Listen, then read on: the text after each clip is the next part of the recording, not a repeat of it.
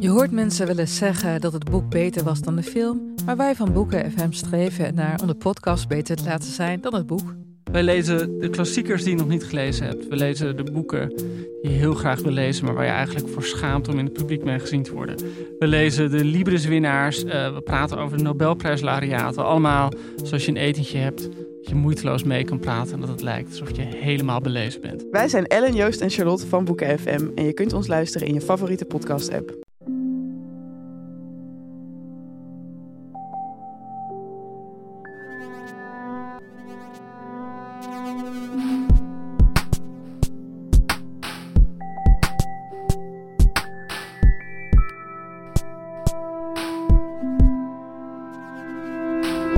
Welkom bij Relaas, waarin iemand een verhaal vertelt over iets dat hij zelf heeft meegemaakt.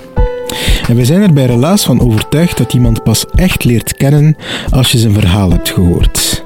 En voor deze week geldt dat ook heel letterlijk. Je kan Michiel niet kennen als je dit verhaal nog niet hebt gehoord.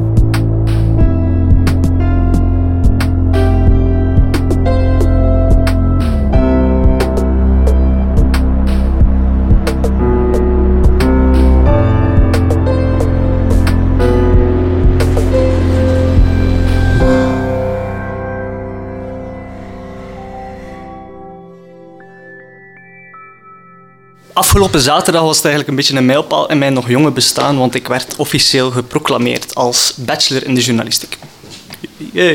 Um, kleine kanttekening, ik ben 26 jaar.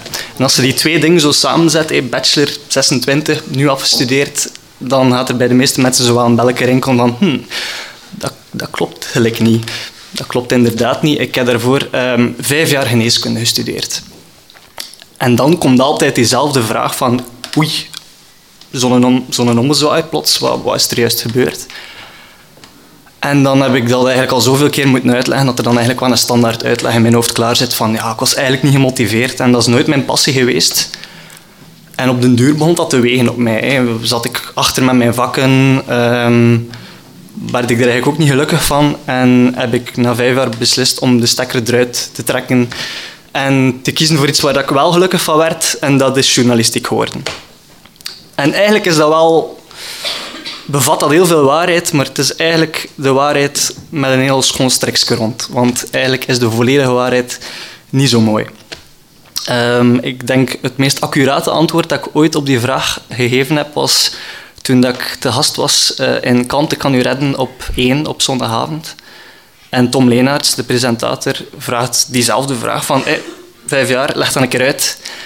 En ik had eigenlijk al, al de dagen ervoor niet geslapen liggen top, want ik wist die vraag gekomen, wat ga ik erop antwoorden? Uh, het is zondagavond op één, de mensen willen niet doodgeslaan worden met een triestig verhaal. Al superveel dingen in mijn hoofd en toch flap ik er super impulsief uit van, ja Tom, ik heb eigenlijk veel gelogen. Waarna dat er zo een super pijnlijke stilte valt. Zo hoort zo in de verte een krekeltje. En dan vraagt Tom Leenaars, wat is uw sterrenbeeld? Dan, oké, okay, eh, goede vervolgvraag. dat, dat, dat, momentje is er uiteindelijk uitgeknipt. Uh, dat zat niet in de montage, dodged the bullet. Uh, maar eigenlijk, achteraf gezien, was dat wel het, het, het, antwoord waarom dat ik vijf jaar lang geneeskunde gestudeerd heb. Um, nu, daar zijn jullie nog niet veel wijzer mee natuurlijk. Dus misschien om dan een keer helemaal uit te leggen, ga ik terug naar voor mijn periode geneeskunde. Toen dat ik nog jong en uh, een beetje een egotripper was. Ik was ik hoop dat dat niet arrogant klinkt, maar ik was eigenlijk best wel een slimme gast. En eigenlijk moest ik nooit veel doen om heel goede punten te halen.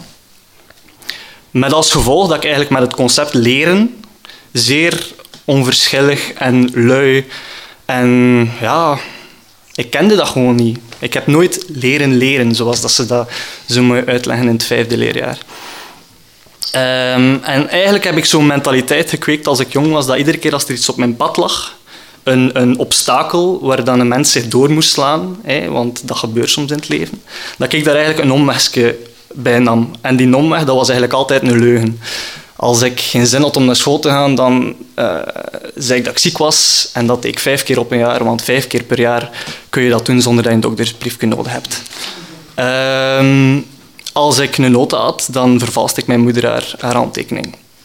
Ehm, en op den duur werd dat iets, iets op, waar ik op een heel rare manier heel goed in was. Dat was niet zomaar een leugen dat ik vertelde. Dat was eigenlijk een heel scenario dat ik rond een leugen breide, waarbij dat als ik tegen u zou vertellen, dat je zou denken van, dat kan niet gelogen zijn. Dat is, dat is, zo, zo goed verteld. Dat, ja, wie is dat er dan nu verzin? Wel, ik verzon zo'n leugens. En, en dat, komt en dat komt en dat komt. En plots zijn je 18 jaar en moet je eigenlijk een heel belangrijke beslissing pakken in je leven. Maar zoals ik zei, ik was nogal negotripperke. Dus eigenlijk heb ik die beslissing maar op één ding laten terugkomen. En dat was, hoe wil ik dat mensen mij zien? Ik wil dat mensen mij zien als iemand succesvol. Als een slimme gast die ook iets met zijn verstand gedaan heeft. Die een prestigieuze richting ging gaan studeren. En daarna een, een super succesvol leven met een schone vrouw. En, uh, al, al, alles dat hij maar kon krijgen, dat, dat, dat pakte ik in mijn leven. En ik ging de wereld wel even verslaan. En voor mij was dat geneeskunde. De, de droom van nu, topsporter voor jongetjes, dat was blijkbaar toch niet zo hoog gegrepen voor mij als voetballer. Dus ik mij uh, naar, naar, naar een andere droom verzet en dat was dan arts. Maar arts, dat is voor mij het schoonste beroep ter wereld. Want je komt in contact met mensen, je bent een soort vertrouwenspersoon, zeker als huisarts, waarbij je niet enkel gezondheidsklachten, maar eigenlijk gewoon levensklachten binnenkrijgt. Daarnaast heb je ook een soort status binnen de gemeenschap, denk ik nog altijd. Het is niet meer, niet meer de meneer dokter van vroeger, maar het is wel iets, ja, iets belangrijks. Het verdiende ook goed. Dat, dat hele totaalpakket dat was voor mij de schoonste job ter wereld. En dat is voor mij nu nog altijd zo.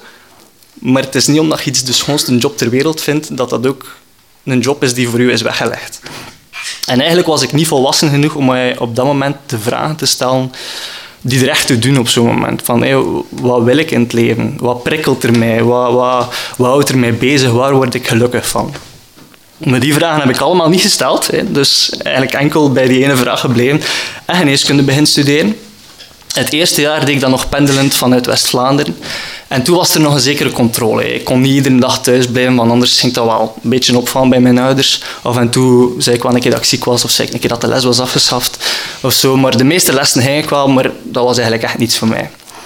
Ik zat er totaal ongeïnteresseerd. Um, maar ik zat er wel ja, ik stelde mij er eigenlijk weinig vragen bij. En tijdens dat eerste jaar heb ik eigenlijk voor de eerste keer ook echt een, een zeer ernstige leugen verteld.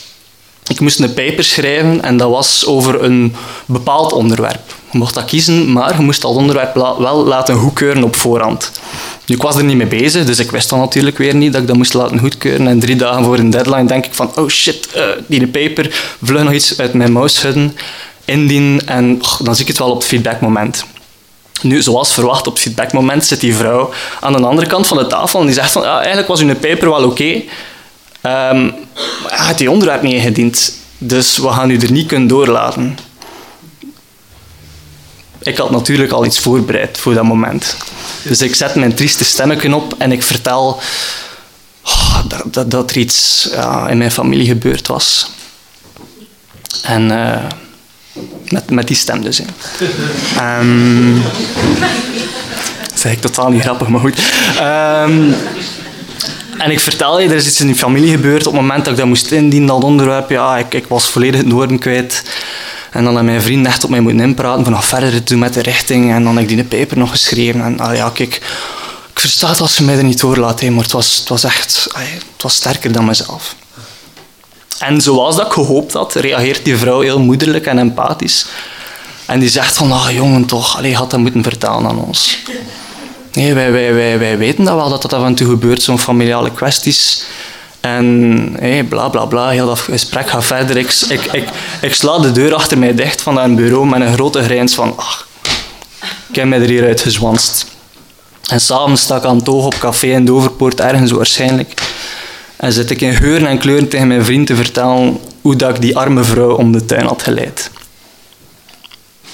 toen stond ik daar totaal niet bij stil dat dat eigenlijk de eerste keer was dat eigenlijk het, het soort qua-jongenslaagje van mijn leugens was verdwenen en dat dat eigenlijk iets heel frauduleus was beginnen worden. Want eigenlijk lieg je over iets heel serieus en je beseft het zelf niet eens.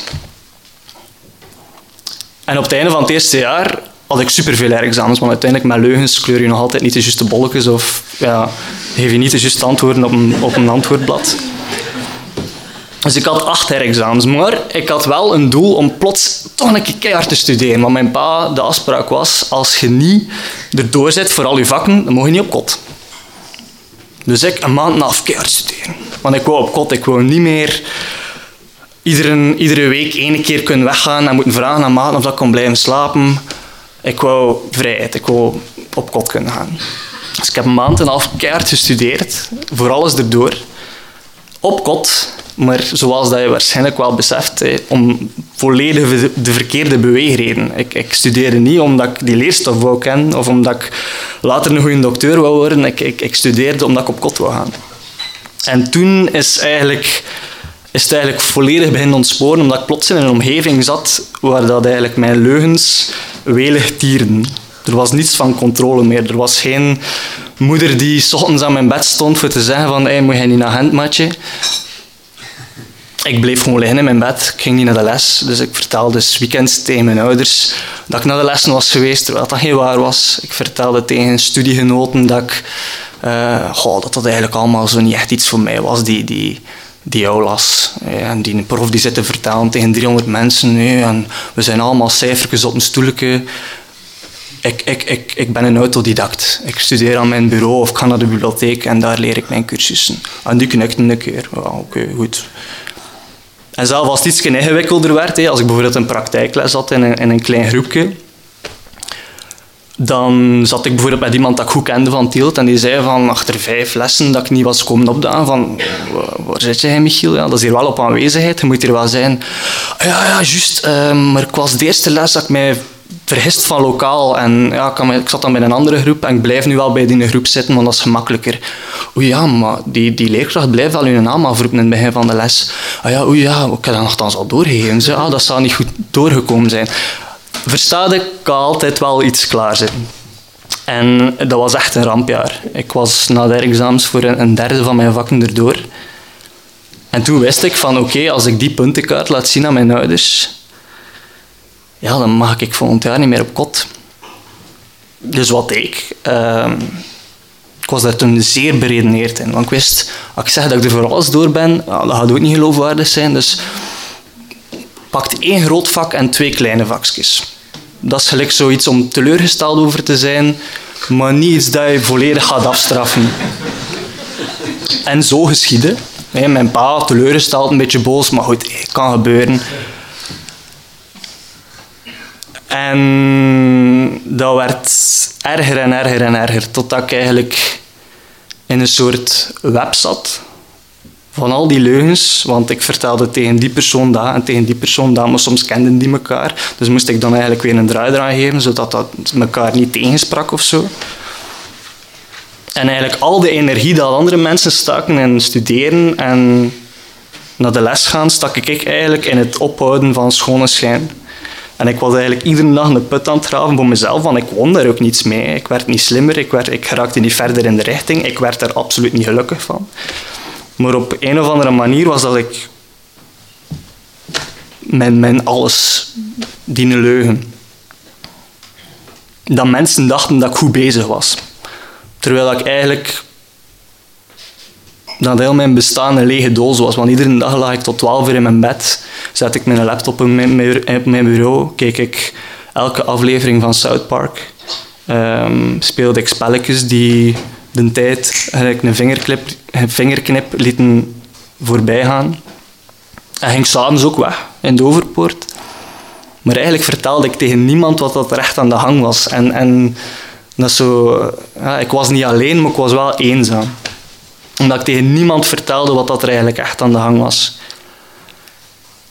En dat is heel dubbel, want je bent heel ongelukkig en toch begrijp ik achteraf nog steeds niet waarom ik dat niet... Ik, besefte, dat ik wel, besefte dat wel dat ik ongelukkig was, maar toch kon ik dat niet loslaten. Omdat dat ook iets was dat vrij aan mij vastplakte. Binnen de familie was ik de studentengeneeskunde. Bij mijn maten was ik de, de speelvogel die er wel ging geraken. want het is wel een slimme gast. Bij, zelf op, op de voetbal als ik de bal had en er vroeg iemand een pas aan mij, dan was dat van, hé hey, dokter, ik sta vrij. Dat was mijn roepnaam. Dus, dus overal was ik de student geneeskunde. En ik,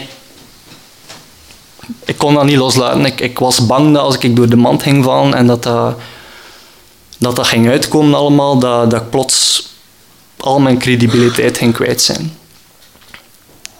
En zo ging dat verder en verder, totdat plots op het einde van het vijfde jaar, achter mijn examens, dat ik eigenlijk weer al klaar zit om mijn rapport te bekijken en weer al zit te pijzen van ja, hoe ga ik dat nu weer verpakken bij mijn ouders, dat het eigenlijk niet zo goed was. En eigenlijk dachten die dat ik toen een, een, een jaar of een, een dik jaar achter zat, terwijl ik eigenlijk twee jaar en een half achter zat en eigenlijk met een bachelor nog niet had. Ehm, en dan komt niet enkel mijn rapport, dan komt er ook een melding bij die zegt: Beste Michiel Martin, je kunt niet verder in, want je studiepunten zijn op. Shit. En mijn eerste idee is nog altijd, en dat, dat, kan ik nog altijd niet bij met mijn hoofd, dat mijn eerste gedachte was nog altijd: hoe kan ik hier een draai aan geven dat dat niet uitkomt? En dan heb ik daar echt twee dagen over zitten pijzen van... Wat, een leugen kan ik hier nu nog gaan vertellen dat mijn ouders niet weten wat dat er in die vijf jaar gebeurd is. Maar ja, die leugen komt niet en ik besef van shit, dat is hier gewoon een, een, een muur waar ik op bots. En hier stopt het gewoon. En dan stuur ik een berichtje naar mijn ouders van, zijn jullie allebei thuis vanavond? Ik moet iets vertellen. Nu, denk de ouders die hier zitten, die weten als je zo'n berichtje krijgt van je kinderen, dat dat niet iets is waar je zo gerustgesteld door bent. Dus mijn pa die zat al heel nacht te baan en ik zou ja, gewoon afleggen uh, en, kom, en kom thuis. En mijn pa staat in de living. En hij zegt tegen mij van, wat, wat is er? En, en ik zeg van, ik wil wachten tot dat moeder hier is. En hij zegt, nee, um, ik ga je niet staan wachten tegen dat hij een zonvloed komt, want ik weet dat hij komt. Dan gaat hij mij nu vertellen. En al, die, al die leugens komen er plots uit. En ik vertel het hem dat ik eigenlijk twee jaar en een half achter zit en dat ik nooit naar de lessen ging, dat ik zelf examens niet ging en, en dat, dat mij allemaal niet boeide. En, en ik zeg mijn laatste woord en, en plots valt er zo een, een gewone stilte. En mijn vader is iemand die op alles een antwoord heeft. Op alles. En op dat moment weet hij niet wat dat hij moest zeggen. En op dat moment beseft je eigenlijk pas echt wat hij gedaan heeft. Omdat je de mens die het liefste ziet, die alles voor je zou doen, die je hele leven eigenlijk gegeven heeft, die, die weet niet wat dat hij moest zeggen. En dat was echt iets dat mij keihard in mijn smoel sloeg, omdat ik mij al, plots al die schaamte voelde van wat heb ik eigenlijk gedaan. En waarom heb ik dat eigenlijk gedaan? Waarvoor? Voor, voor, omdat mensen mij als, als een succesvolle gast zouden zien, terwijl ik er zelf niet gelukkig bij word. En dan is hij op een bepaald moment in een furie ontstoken, maar eigenlijk weet ik echt totaal niet meer wat dat hij toen gezegd heeft. Omdat ik eigenlijk zo in, in ja, eigenlijk bijna verdoofd was door die schaamte. En het enige dat ik nog weet is dat hij de deur toeslaat en, en, en dat mijn moeder en mijn zus, denk ik een half minuutje later binnenkomen. En die zien mij zitten, ja, in negenbogen, naar de grond aan het kijken. En mijn moeder legt haar arm op mijn schouder en plots is dat... Plots is een zondvloed niet van woorden, maar van traan. En dat was een last van duizend leugens die helemaal een keer van mijn schouders afviel. En het vreemde is dat ik eigenlijk dacht dat iedereen daar heel boos om ging zijn. Dat mensen echt gingen zeggen van, hoe kan ik in godsnaam nog iets geloven wat hij mij nu vertelt? Hij monster. En eigenlijk waren mensen niet boos. Mensen waren eigenlijk vooral teleurgesteld. Zeker mijn ouders, die, die hadden vooral het idee van... Allee, wat voor ouders zijn wij dat, dat, dat ons eigen zoon dat niet tegen ons kan vertellen? En mijn maten dachten dat ook, wat voor vrienden zijn wij, dat, dat, dat onze beste maat dat niet tegen ons kan vertellen. Wat dat eigenlijk ook weer dubbel pijnlijk is. Maar je wilde eigenlijk dat mensen boos zijn op dat moment, maar ze zijn niet, ze zijn teleurgesteld. Dat is nog pijnlijker eigenlijk. En dan had ik voor mezelf zo uitgemaakt van, ik ga, een band gaan werken. En eigenlijk op dat moment hebben mijn ouders gezegd, ga dat niet doen. Want je gaat er ook niet gelukkig van worden. En je bent iemand die ergens moet uitgedaagd worden in je denken en aan band word je niet uitgedaagd in je denken. Dus spijs er een keer goed over na. En als je nog iets wil studeren, dan is het nu de moment. Dan mochten we nog aan iets beginnen. Wat wat eigenlijk bizar is, achter dat je net hoorde van je zoon dat hij vijf jaar op je kosten gelogen heeft en in zijn bed lag te stinken. Maar dat is dus wat dat ze zeggen. En dan heb ik plots eigenlijk wel al die vragen gesteld dat ik eigenlijk op mijn achttiende niet gesteld heb. Van wat, wat prikkelt er mij, wat, wat boeit er mij, waar ben ik passioneel om? En, en plots ja, was, dat, was dat idee er journalistiek en ik ben eraan begonnen en dat was na zo'n ommezwaai. Dat was plots niet meer met tegenzin uit bed komen. Dat was plots gewoon, ah oké, ik ga naar de les, want het interesseert mij. Dat was plots in het weekend thuiskomen bij mijn ouders en niet zeggen van oh, laat mij gerust, ik wil het niet over geneeskunde babbelen. Dat was plots van, ah, ik heb dat gedaan, heb dat gedaan, heb dat interview afgenomen, bla. Plots trok ik mij niet meer weg in sociaal isolement, omdat het dan makkelijker was om te liegen, want dan, ja, als je alleen bent, dan moet je tegen niemand liegen. Plots was ik weer sociaal tegen mijn vrienden ik een vriendin leren kennen, wat dat in die periode ook nooit zou gelukt zijn, omdat ik ja, een vriendin, dat is iemand die je toelaat in je intiemste gedachten. En al mijn intiemste gedachten waren leugens, maar plots ja, viel dat allemaal weg, viel die puzzelstukjes in elkaar. En dan vorige zaterdag was dus de proclamatie en ben ik afgestudeerd. En dat ging allemaal voor niets. En stonden mijn ouders daar. Ongelooflijk trots. En dat was het beste gevoel. Dat ik Kort op de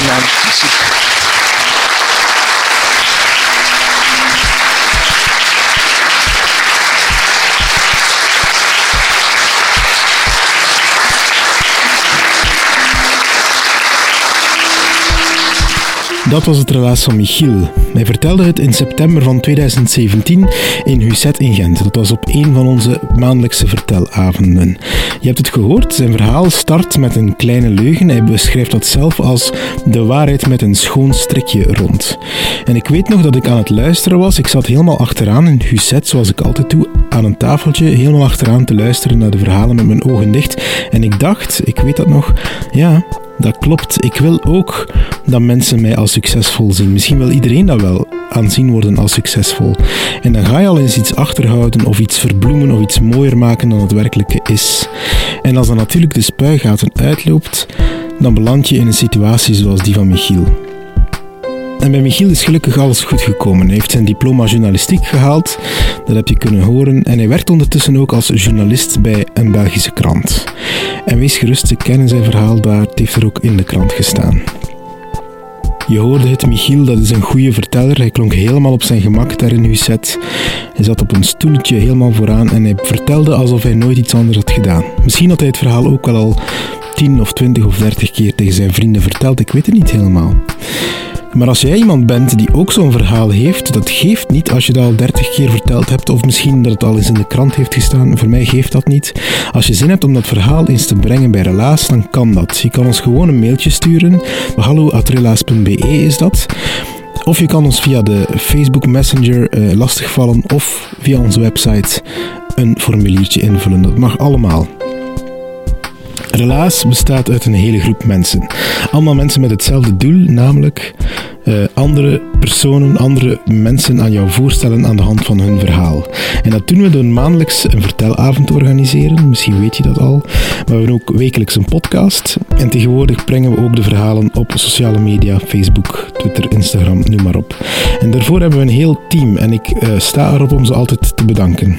Uh, Evita Nocent, Anneleen Schelstraat, Timo van de Voorde, Sarah de Moor, Charlotte Huigen, Wouter Dupré, Sarah de Smet, Egwin Gontier, Lee Haman, Dieter van Huffel, Ruby Bernabeu Plaus, Stefan Grijaert, Sarah Latré, Philippe Cox, Marleen Michels, Katlijn de Vries, Steve Konaar En ikzelf ben Pieter Blomme. En we hebben tegenwoordig ook een stagiair. Dag Sarah.